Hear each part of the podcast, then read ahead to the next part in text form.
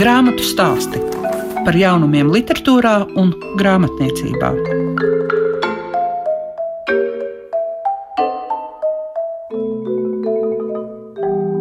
Atkal ir pienācis brīdis, lai skanētu grāmatu stāsti, šīs dienas raidījumā gan nopietni, gan amizanti gadījumi, kuri 40 darba gados piedzīvoti televīzijā, par tiem stāstīs Maija Migla Streiča, jo ir iznākusi grāmata Nenopietni, nopietnie TV aizkadri. Savukārt vēstures virzienā lūkosimies kopā ar Kristīnu Želvi, kura stāstīs par Grosvaldiem. Tā ir dzimta, kura simt gadu garumā var parādīt, kāda ir Latvijas vēsture. Grāmatu stāsti programmā Klasika. Tikai aizvadītā gadā Matildes gadsimts nonāca pie latviešu lasītājiem, radīja lielu interesi, un tās autora Maija Migla Streiča, kurai laikam tajā brīdī jau iestājās tāds asumiņš ar grāmatu tapšanu, jo tagad pie lasītājiem ir nonākuši nenopietni, nopietni TV aizskadri. Vai aizsākums tās ir atmiņas par piedzīvoto? Nu jā, man pamazām jau bija sakrājušies tādi stāstīņi, ko mēs televīzijas darba gaitā gan paši piedzīvojām, tur ir daudz no manis pašas piedzīvots, gan arī, ko kolēģi ir pastāstījuši. Un es izvēlējos tos lustīgākos notikumus, tādus ar smaidu, jo gan montējot, gan braucot filmēt, gan tiekoties ar, ar cilvēkiem, vienmēr veidojas kādas kuriozas situācijas, mazāk kuriozas, un tās mēs vēlāk viens otram pārstāstam un smejamies. Un es domāju, nu, kāpēc nevarētu to visu apvienot arī vienā grāmatiņā, un es arī ķeros klāt un rakstīju, un rakstījās ļoti viegli un patīkami, tāpēc, ka, nu, man jau tas bija nosēdies iestājies manī galvā. Ir cilvēki, kuri prot pastāstīt anekdotas, un kuri neprot. Kā bija aprakstot šīs kuriozās situācijas, bija arī tā, ka likās, ai, Tad, kad notika, bija smieklīgi, bet tagad tas tā kā. Nē, man ir otrādi. Tad, kad notika, tad varbūt pat nebija smieklīgi, jo tad tas notikums likās tāds pat traģisks, pat tāds nopietns, un tikai vēlāk, aizejot laikam, izveidojās tāda, bet paga, paga, bet tas taču tomēr bija joks.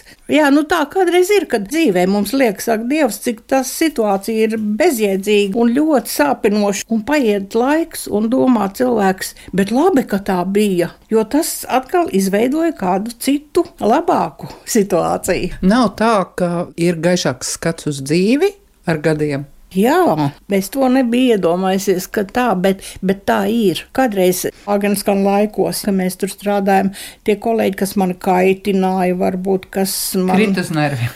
krita uz nerviem, jā, kas kādreiz. Un tagad es domāju par viņiem ar tādu mīlestību, ar tādu labestību, cik tomēr katrs no tiem cilvēkiem, ar ko mēs kopā strādājam, katrā bija kaut kas tāds jauks un patīkams. Kā ir ar to, ka tiek cilvēki cilvēki nosaukti vārdā. Kādreiz ir tā, ka mēs varam stāstīt smieklīgus atgadījumus, bet mēs kautrējamies vai baidamies par oriģinālā cilvēka reakciju. Es nebaidījos, tāpēc, ka es nevienu cilvēku neesmu aizvainojusi. Un, ja arī tā komiskā situācija tiek izstāstīta, tad tā netiek izstāstīta tam cilvēkam par sliktu. Tā situācija netiek padarīta tāda, ka tas varonis ir ir pa muļķi pataisīts. Nē, tā nav. Tāpēc es ļoti delikāti rakstīju, lai nebūtu nevienam aizvainojums. Kā katra no šīm situācijām Vai viņai bija kaut kāds tāds standarta modelis? Jā, nu, bija tikai atmiņas, un es biju iedomājies mazliet citādāk piestrādāt. Bet sākās Covid, un es biju domājis aizbraukt uz televīziju, apstaigāt kolēģus, vai arī pie vecajiem kolēģiem kaut kur uz mājām vai kafejnīcā tikties. Nu, kur tu vairs tiksies? Nu, nekur. Ļoti daudz ir manas atmiņas, ļoti daudz ir pa telefonu. Tikusies es, es tiešām acis pret aci ar maz cilvēkiem, nu, ar Judīču, kas tikos, jā, viņi man izstāstīja, un, un Laura Vonda, nu, tas ir tie, kas tagad strādā. Nu, ar Volmāru Andreju mēs vairāk pa telefonu, viņš ļoti daudz man stāstīja, un viņš ļoti labi prāt izstāstīt, un man šķiet, ka par viņu ir visvairāk, jā, jo viņš arī cilvēks ar labu humoru izjūta pats ir un velta puriņa. Ar viņu mēs tiekamies šad, tad tā viņa man izstāstīja. Jā, galvenais varonis kaut kur iet cauri visiem Agneskan laikiem, tas ir Jānis Dimants. Bet nu par Dimantu man ir ļoti labas atmiņas un brīnišķīgas. Viņš bija tiešām ļoti izcils cilvēks, jo viņš, viņš nevienu neatlaida, bet viņš, kā mēs smējāmies paši, viņš mūs birstēja, viņš mūs rāja, bet viņš mūs nerāja par politiskiem notikumiem, jo tie jau bija visdrūmākie laiki, tie bija Brežņeva laiki, tie bija Černienko laiki. Var jau būt, ka viņiem bija citas sarunas ar ārzemju ziņu redakciju, bet nu, ar mums, ar cilvēkiem, kas taisīja sižets par cilvēkiem, ar tiem jau viņš arī runāja citādi. Un kādreiz, kad cilvēks bija aizbraucis kaut kur uz laukiem un, un parādīja tikai runājošu galvu, tad viņš gan bija dusmīgs, tad viņš rājās. Mēs zinām laiku, kad ļoti populāra bija šarži. Šobrīd mēs vairāk runājam par karikatūrām, un arī tavā grāmatā ir karikatūras, un tās ir veidojis Digis Puriņš. Atklāt sakot, es ar Digi Puriņu dzīvā neesmu nemaz tikusies. Puriņa pieaicināja izdevniecība Zvaigzne, un viņš vienīgais, ko viņš tad atsūtīja pie katra stāstiņa, nu gluži ne pie katra, uzzīmējis tās savas karikatūras un iedziļinājies, un es tiešām esmu viņam pateicīga un priecīga, ka viņš tās karikatūras ir tik interesanti izveidojis, tik jaukas. Jā, un jāsaka, līdzās jau arī šīm karikatūrām ir arī fotografijas, kas liecina par pagātni, par Latvijas televīzijas laikiem.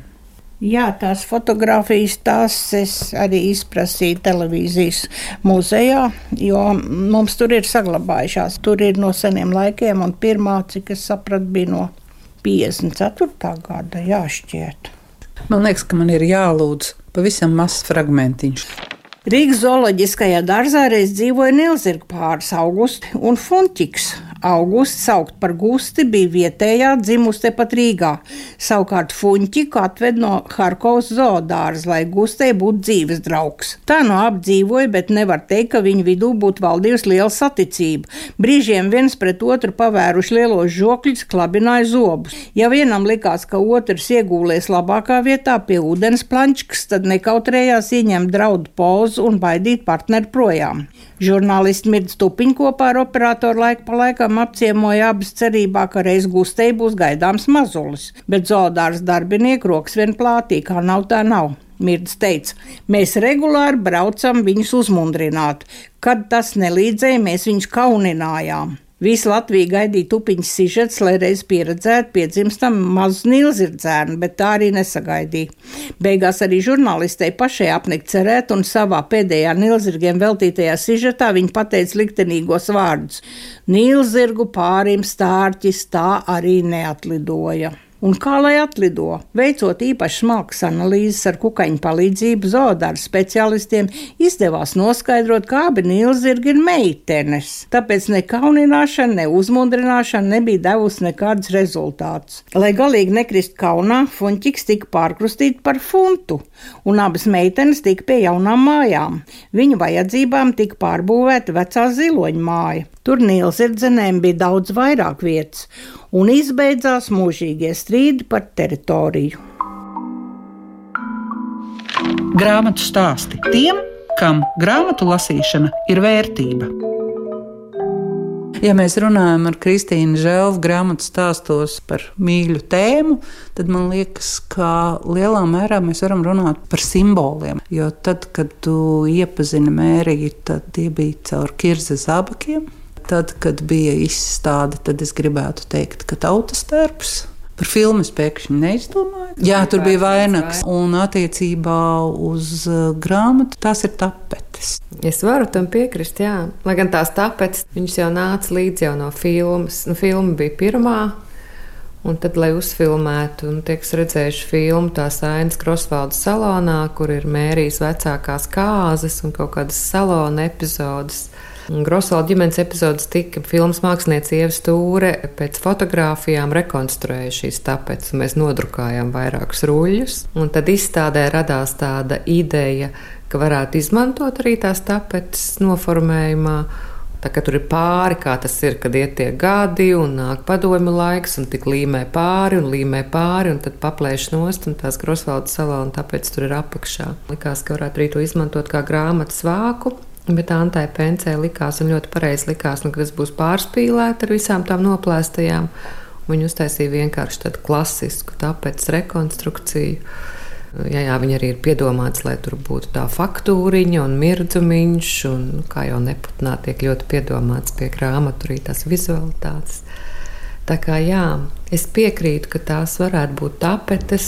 Nu, tā ideja, kas netika realizēta ar tām plēstajām, noplēstajām, ka tu plēsi un tur atklājās viens slānis pēc otra, nu, tā nav vizuāla, bet tā ir.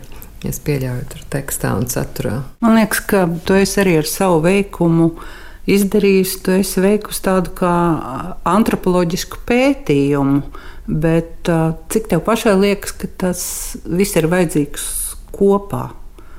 Kopā tai sajūtai par redzēto izstādi, par filmu, par grāmatu. Nu, man jau pašai liekas, ka var lasīt grāmatu arī neredzot filmu. Un, Bet interese radusies. Nu, jā, tā, un var, nu, piemēram, izstādē tās trepīte bija tāda filma, izstāde un tad grāmata. Lai gan par to, ka ir jāraksta, man jau bija skaidrs, tik līdz es sāku pie šīs idejas strādāt. Un sāku rakstīt scenāriju, un vienkārši lasīt tos materiālus. Man bija skaidrs, ka tur agri vai vēlu tur vajadzētu kaut ko arī rakstītā formātā. Bet, nu, tā trepība bija tāda, un jau izstādes laikā es jūtu. Nu, ka ir jau tāds Grosvaldu fanu pulks, ir tādi cilvēki, kurus tiešām šī dzimta interesē. Gan tādi, kas par to jau iepriekš ir šo to zinājuši, gan tādi, kas to atklāja pilnīgi no jauna. Un, protams, ka nu, nu, man liekas, jā, nu, tādā ziņā varbūt to grāmatu lasīt ir nezinu, vai interesantāk, bet Nu, es pieļauju, ka cilvēkam ir lielāka motivācija lasīt to grāmatu. Ja viņš zina, kas ir Grosvaldi, vai viņš zina vismaz kādu no Grosvaldiem, un tas viņu interesē. Bet nu, man tā liekas, ka var izlasīt arī tā īsti nezinot. Kā ir ar to gēnu, kas ir mērijā, ka ir jādodas ar tiem kirsas zābakiem nezināmajā, lai saglābtu Latvijas muzeju? Nu jā, mēs jau varam, ko atļauj mākslas darba robežas, mēs varam par to filozofēt un iedomāties dažādas variantus, jo es jau mērīju nepazinu. Nevaru tā spriest objektīvi par viņas raksturu, bet nu, tā mana versija ir, ka šis gēns ir pārmantots Grosvaldu gēns.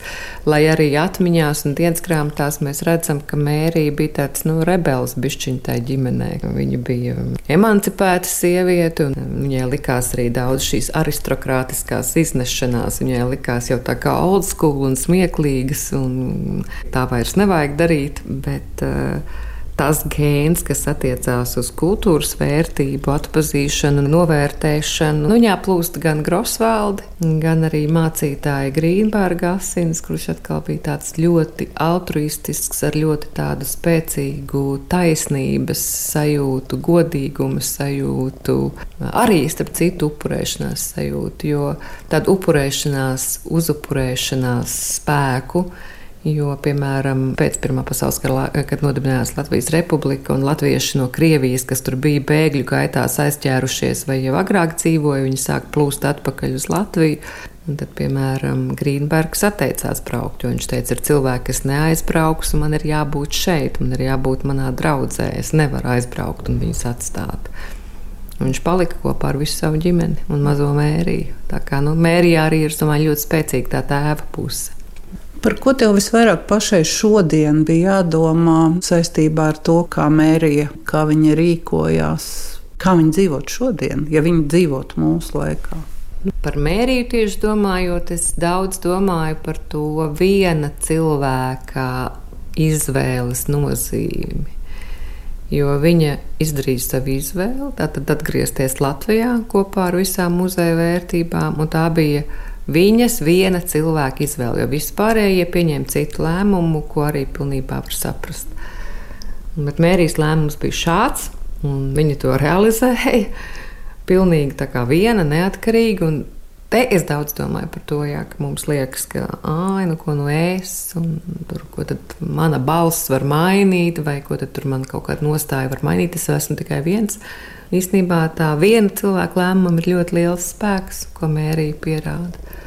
Bet runājot par visiem krosvaldiem, nu, tur, protams, bija ļoti daudz tēmu, par ko domāt.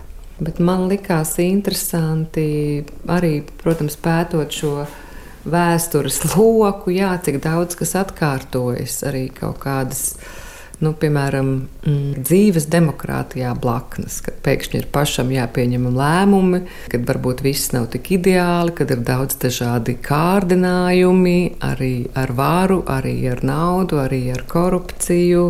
Respektīvi, Pirmajā Latvijas republikā arī viss tas pats notika varbūt citā mērogā. Bet tieši tā, bet ka galvenais, ka tomēr tā, tas galvenais tajā ir tā Latvijas neatkarības ideja. Mēs dzīvojam demokrātijā, mēs dzīvojam brīvā valstī, un tas viss pārējais tomēr ir pakārtot. Tās ir lietas, ar kurām ir jācīnās, tās ir lietas, ar kurām jātiek galā. Man liekas, arī Grosvaldos ļoti svarīgi vārdi. Bija tāda epizode, kad Grosvalda atstāja Latviju jau uzreiz 19. gadā, Latvijas republika tikko nodibinājusies, un jau uzreiz ir eh, Baltās armijas uzbrukums. Un vecais Grosvalds saka dēlam, nu, ka tā mūs visu mūžu tagad uh, spiedīs gan no rietumiem, gan no austrumiem, gan krievs, gan vācietis. Un Koļģerts saka, jā, bet ja kaut vai mums izdosies 15 vai 20 gadus būt neatkarīgiem, Tas jau būs ārkārtīgi svarīgs tāds ķieģelīts, pamatakmens varbūt Latvijas tālākai neatkarībai. Viņam bija pilnīgi taisnība, pat nezinot to, kas notiks. Man ir uzdevuši jautājumu, kā Grosvalds skatītos uz to, kas notiek šodienas Latvijā. Un es domāju, ja Grosvaldiem būtu tā pieredze, nu, ja viņi nebūtu tā kā valsts lapas tagad piedzimuši, kā mēs visi. Bet viņiem būtu jau tā izdzīvotā pieredze. Es domāju, ka viņi ļoti labi saprastu, ka svarīgākais ir tas, ka ir atgūta neatkarība un to visu pārējo jau var salabot. Man īpaši izstādē, kad bija izlikts tas dzimtas koks, likās sāpīgi tas, ka dzimta, par kuru var stāstīt tik fantastiskus, dažādus un interesantus stāstus, ka viņa īstenībā ir pazudusi. Jā, bet tikai fiziskā nozīmē. Un man liekas, ka tomēr tā fiziskā eksistence nav tas būtiskākais un izšķirošais. Es arī par to esmu daudz domājis, un par to arī visi, kas saskarās ar Grosvaldu stāstu, runā. Tā kā tu pieminēji to simbolismu, man liekas, tur arī ir kaut kas simbolisks, nu, ka tik enerģētiski spēcīga dzimta, kur visi ir bijuši spilgts personības, un visiem ir bijis nozīmīgs ieguldījums Latvijas vēsturē, ka šī dzimta ir izplēnējusi. Bet tikai fiziskā nozīmē. Jā. Es domāju, ka garīgi un enerģētiski tas viņu devums paliek un viņš joprojām ir, un mēs dzīvojam arī viņu uzbūvētā Latvijā. Tā kā šī dzimta savā ziņā turpinās. Vai kaut kas vēl palika tāds aiz izstādes, filmas un grāmatas nepateikts? Nē, nu, protams, ir kaut kādas lietas, vai nianses, vai fakti, vai notikumi, par kuriem es izvēlējos nerunāt. Nu, dažādu iemeslu pēc, jo tie ir dažādi notikumi.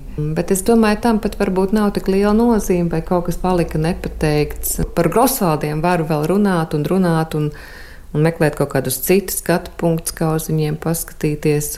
Kāda stāsta priekšplānā Jāzepu Grosvaldu vai Margarētu ar viņas eh, noslēpumaino dzīvi un likteni. Tā kā nu, iespējas runāt par Grosvaldiem dažādos rakursos, es domāju, vēl ir daudz. Tā kā nu, tādā ziņā es varu teikt, ka tur ir vēl ļoti daudz nepateiktā un ļoti daudz pētāmā. Vai Emanuēls Grīnbergs, matemātiķis, viņam arī ir tāda, nevar teikt, fanu kopa, bet viņa darba turpinātāja kopa un viņa skolnieku kopa, kas pēta gan viņa darbus, gan dzīvi. Viņiem visu laiku liekas, ka vajag vairāk par Emanuēlu un tik maz par Emanuēlu. Es saku, lūdzu, tas Jūs. tagad ir jūsu uzdevums un jūs to varat. Tādā ziņā es domāju, tur ir ļoti daudz vēl ko var stāstīt. Tad mums jāgaida kāda vēl, kas to darīs. Jā, jā, jā nu, Jāzepa Grosvalda, piemēram, dienas grāmatas, arī nu, Mērijas dienas grāmatas, starp citu, tūlīt, tūlīt arī iznāks. Viņas jau ir tipogrāfijā, cik es zinu, Mērijas vecākās dienas grāmatas bet guļ vēl Jāzepa Grosvalda dienas grāmatas arhīvā. Kaut kur pasaulē iespējams klīst Oļģērta Grosvalda pieraksti par darbu Parīzē. Tā kā jā, jā, būs tikai kāds egregors iekustēsies, vai būs kāds, kam tas šķitīs interesanti, tad jā, tas viss var notikt. Izskan grāmatu stāsti. Šīs dienas raidījumā Maija Migla Streiča stāstīja par nenopietni nopietnajiem TV aizkadriem, jo par 40 darbu gadu pieredzi televīzijā ir tapusi arī grāmata. Savukārt Kristīna Želve par Grosvaldiem. Tā ir Latvijas vēsturē nozīmīga ģimene. Kopā ar jums bija Liega Piešiņa. Grāmatu stāsti par jaunumiem literatūrā un grāmatniecībā ik trešdien, 9.5. ar atkārtojumu Svētdien, 18.15.